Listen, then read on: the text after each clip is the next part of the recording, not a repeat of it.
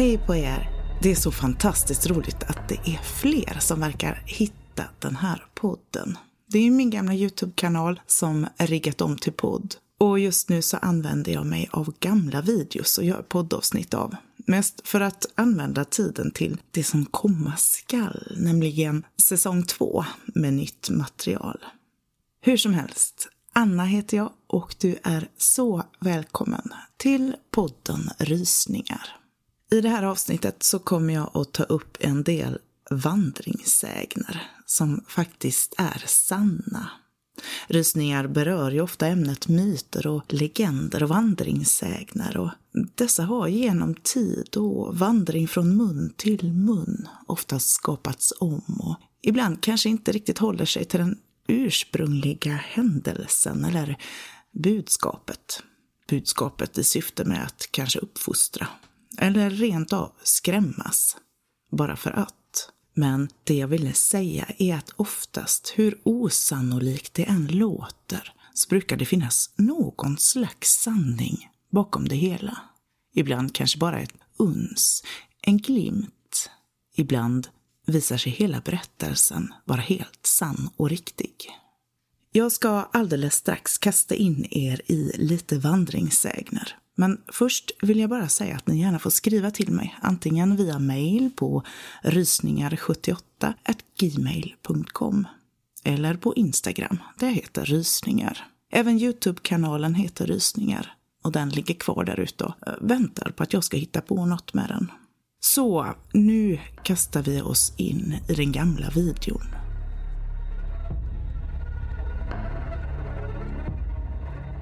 Ja, legender eller myter om upplevelser, ni vet. Någons väns brorsas flickväns kusins gamla faster eh, som en gång har varit med om någonting läskigt. Sådana där händelser som man får berättat för sig som ska vara sanna och som skrämmer skiten ur en. Men som man egentligen innerst inne inte tror på. Men jo då, flera av dem är i allra högsta grad sanna. Och jag kommer inte att nämna namn här. Jag kommer heller inte att lägga in autentiska bilder eh, när det gäller specifika fall eller personer av respekt med mera. Men ni kan enkelt leta fram uppgifter utifrån informationen som jag ger er här och eh, kan då få fram bilder, namn, datum och eh, bekräftelserna i olika fall. Så nu till fem sanna vandringssägner som ni kanske trodde var rent påhitt. Ovälkommet toalettbesök. Råttor som kommer kravlandes upp ur toaletten. Det låter som en äcklig mardröm, eller hur? Men det är faktiskt ett ganska vanligt fenomen och en relativt vanlig utryckning för företag som till exempel Anticimex. Lite vanligare i våra städer, men så länge det finns ett avloppssystem så. Det rapporteras in flera gånger per år att folk har råttor i toalettstolen som försöker hoppa upp ur eh, holkens botten eller försöker kravla sig upp över kanten. Råttor trivs och lever i våra avlopp. De är nyfikna och ständigt ute efter mat. De lider inte av basilskräck och de är väldigt duktiga simmare och klättrare och kan hålla andan under vatten i upp till tre minuter. Deras mjuka, flexibla skelett gör också att de kan eh, klämma ihop sig på ett sånt sätt att de kan komma igenom mycket små passager. Så att simma i ett avlopp nära dig, ta sig upp i just ditt avloppssystem och leta sig upp i just din toalettstol. Ja, det är ingen som helst match för en råtta. Och det finns massor av artiklar av även andra djur som har hälsat på i toaletter runt om i världen som ormar, alligatorer, ödlor, grodor, spindlar, skorpioner. Så ta en extra titt i holken innan du sätter dig ner nästa gång insekter i huvudet. Någonsin varit med om att en fluga kört in i näsan? Och fast man egentligen är säker på att den flög ut lika fort som den flög in, så finns känslan att den är kvar där inne någonstans. Eller att något främmande kryper och krälar under huden. Om inte så kanske ni ändå har sett en skräckfilm om det, eller hört talas om insekter som gräver sig in genom ansiktsöppningar eller in i hjärnan. En 29-årig kvinna i Melbourne, Florida, vaknade en natt i april 2018 av känslan av att något kröp in i hennes öra. Hon rusade in i badrummet där hon tog en topso och stoppade försiktigt in den i örat. Då kände hon hur någonting där inne rörde på sig. Hon beskrev det som rytmiska ljud som från rörelser och känslan av att någonting försökte krypa längre in i hörselgången. När hon drog ut topsen följde små bruna spröt med topsen ut. Något som såg ut som insektsben. Kvinnans make kom till undsättning och försökte hjälpa. Han kunde lysa med ficklampan in i örat och faktiskt se att det fanns någonting där. I ett försök att med pincett få ut vad som fanns där inne, som bara resulterade i ytterligare ett par insektsben, retade det den inneboende insekten, bara till att försöka ta sig ännu längre in. De fick istället ta sig till akuten, där en läkare senare lyckades dra ut en död kackerlacka och kvinnan kunde lättat åka hem med antibiotika. Men kvinnan påstod sig ändå inte vara helt återställd. Och vid ännu ett läkarbesök, nio dagar senare, kunde en läkare spola örat och få ut ytterligare flera delar från den döda kackerlackan. Kvinnan lämnade sjukhuset utan att vara helt säker på att alla delar av kackerlackan nu var ute. Ja, även om detta inte är en särskilt vanlig incident så händer det då och då. Och det finns gott om berättelser om hur just kackerlackor tar sig in i öron och näsor på folk. Vid en snabb titt på Anticimex sida så ser jag att det varje år genomförs flera tusen saneringar i byggnader runt om i Sverige. Något annat, kanske vanligare här i vårt land, även om också detta hör till ovanligheterna, så är det så äckligt. Nämligen fluglarver i ögonen. Det finns nämligen en liten fluga, nässtygnsflugan. Den ser ut ungefär som en liten humla.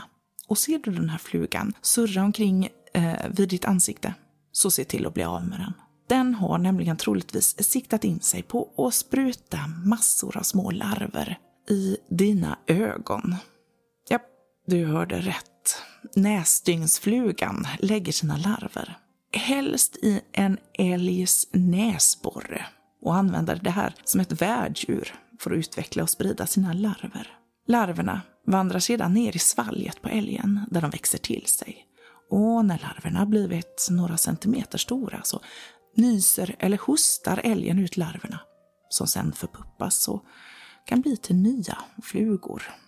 Och en näsdygnsfluga som surrar framför ansiktet och stannar upp och hovrar, den siktar och har som mål en lämplig älgnäsborre. Men antagligen har misstagit ditt öga för just ett sådant. För inte så länge sedan så drabbades en kvinna i Dalarna och det tog tid innan kvinnan fick hjälp. Det var nämligen ingen som förstod vad hennes ögonsmärtor berodde på. När de väl kom underfund med vad det handlade om kunde ett 30-tal larver plockas ur kvinnans ögon. Något som kunde ha orsakat allvarliga skador. Alltså, detta är bland det vidrigaste jag vet. Insekter, parasiter och kryp som kommer innanför kroppen. Det kryper i hela mig. Men här kommer en grej till i ämnet. En 26-årig man från Kalifornien fick under 2015 en fruktansvärd huvudvärk som bara blev värre och värre. Han började kräkas och tappade till slut medvetandet till och från. När han kom sig till sjukhuset så fick han genomgå en magnetröntgen av hjärnan. Och det man fann var allvarligt.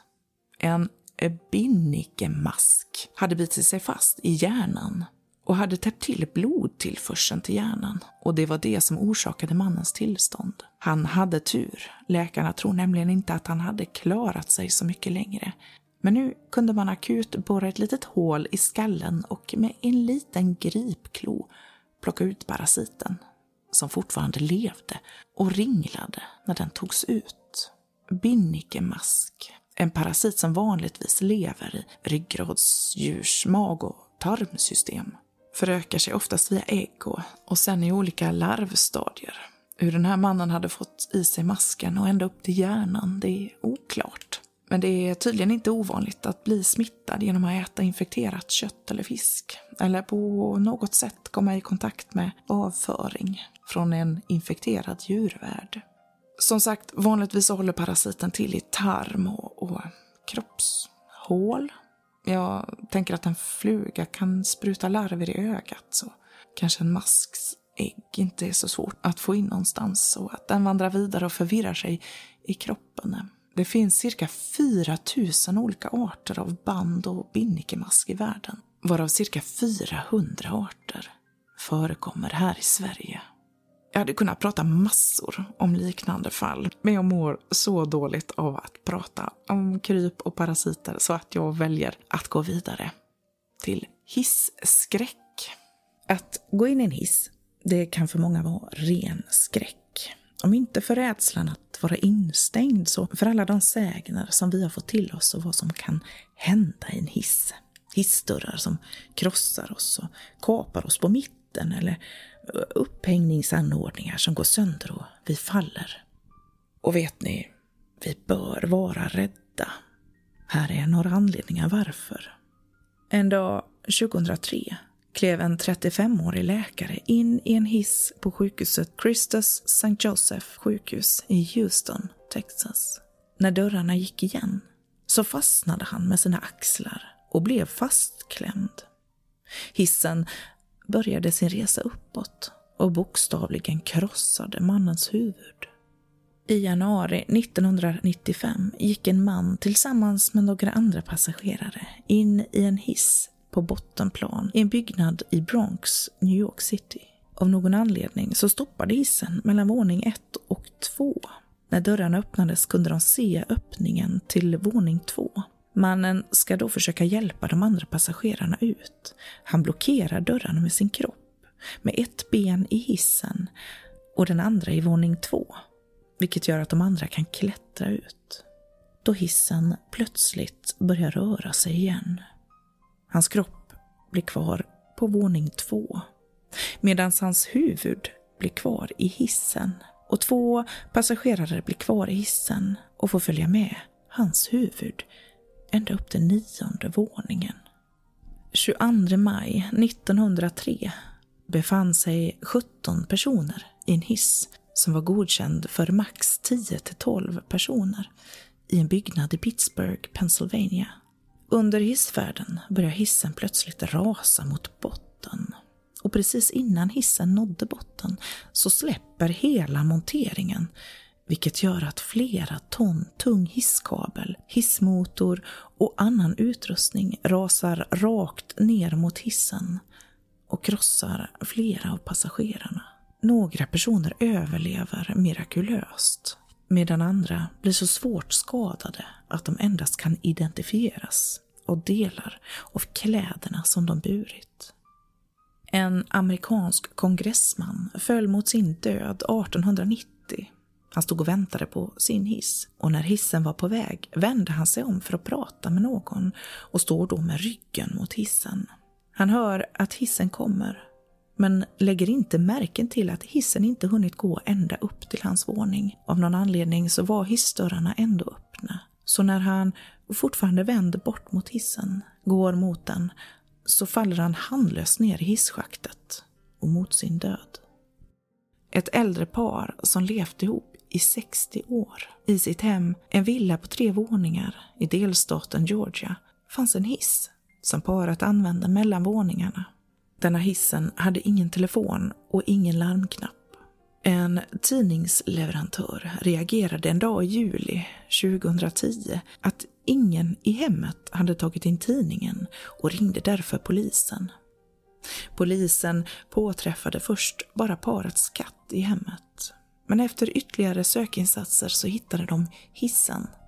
De fick bända upp dörrarna på hissen och där på golvet, i fosterställning, liggandes mot varandra, låg det äldre paret avlidna. Man tror att paret har befunnit sig i hissen i totalt fyra dagar innan de hittades. Hissen som har fastnat mellan våningarna blev en dödsfälla för det äldre paret som inte hade någon möjlighet att kontakta omvärlden. Jag kommer definitivt att ta trapporna nästa gång jag står inför en hiss. Ensam hemma. Någonsin haft den där känslan att vara iakttagen i hemmet? Har du hört ljud från vinden eller källaren? Har du letat, men inte hittat någon? Kanske har du inte letat tillräckligt noga. En ensamstående mamma bodde i sitt hus med sina fem barn i Rock Hill, Carolina. När hon en kväll 2012 gick till sängs så märker då hur spikar har ramlat ner från taket ner i hennes säng. Hon trodde först att det var ett djur som befann sig på vinden och ber då en av sina söner att undersöka saken. Vad som upptäcks på vinden är dock att hon har en inneboende, nämligen kvinnans ex sedan många år tillbaka. Mannen flyr platsen, men på vinden finner polisen rester av mat, flaskor med vatten, muggar med urin och avföring samt titthål, vilket har gjort det möjligt för mannen att spionera på kvinnan. En 57-årig man boende i staden Kasuya i Japan misstänkte att han hade inbrottstjuvar då han blev av med mat och andra saker i hemmet flyttade på sig. Men trots att han stängde och låste ordentligt varje gång han gick hemifrån så fortsatte detta att ske. Han installerade därför övervakningskameror i hemmet och upptäckte via kamerorna hur en kvinna kom krypandes ut ur hans garderob. Det visade sig vara en hemlös kvinna som bodde på översta hyllan av hans garderob. Hon hade till och med flyttat in en liten madrass till det trånga utrymmet.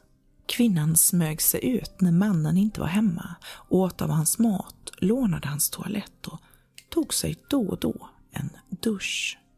När polisen hämtade in kvinnan erkände hon att hon cirka ett år tidigare smugit sig in i mannens hem när han vid ett tillfälle hade glömt att låsa och hon hade bott i hans garderob sedan dess. En 18-åring i Chester, Storbritannien, stakade en 16-årig tjej och skickade flera otrevliga sms till henne 2014. I smsen stod bland annat en kväll att “Jag ser dig” och “Jag är inne i ditt hem”.